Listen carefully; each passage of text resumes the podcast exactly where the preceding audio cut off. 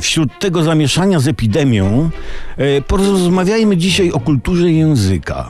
Bo w internetach przeczytałem, jak jeden obywatel krytykował jakiegoś DJ-a, że ten mówi Bohemian Rhapsody, a nie Bohemian Rhapsody. Nie mówi się Bohema, ale Bohema. Ha jest tu nieme, twierdzi. Ale czy, czy rzeczywiście nieme? Otóż nieme głoski skończyły się w 45. Teraz jest równość.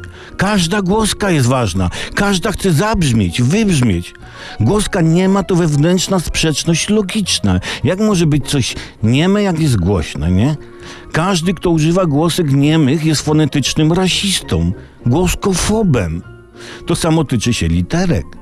Każda literka chce być wypowiedziana jako głoska. My Polacy jesteśmy pod tym względem w miarę w porządku, prawda? Czytamy tak jak piszemy. Piszemy Tomek, mówimy Tomek. A tacy Angole piszą Thomas, a czytają Tomas. A gdzie H? Nie wymawiasz H, to nie pisz tego H. Go nie wy wypowiesz i jest mu przykro. Ale tacy Francuzi są najgorsi. Oni tak obcinają końcówki wyrazów, że, że e, że strach. Na przykład no, no gdzie tak? Gdzie tak? Ktoś się namęczył, wziął, ułożył wyraz literek, namęczył w kolejności, żeby to miało sens, a ci pół wyrazy na końcu obetną w mowie i se pójdą. Gdzie tu jest kultura, ja się pytam.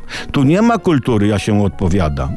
Słuchajcie, kochani, dbajmy o literki i głoski, bądźmy kulturalni. Pamiętajmy, że literki, głoski to nie pracownicy huty, czy kopalni, czy biura. Każdej należy się wypowiedzenie.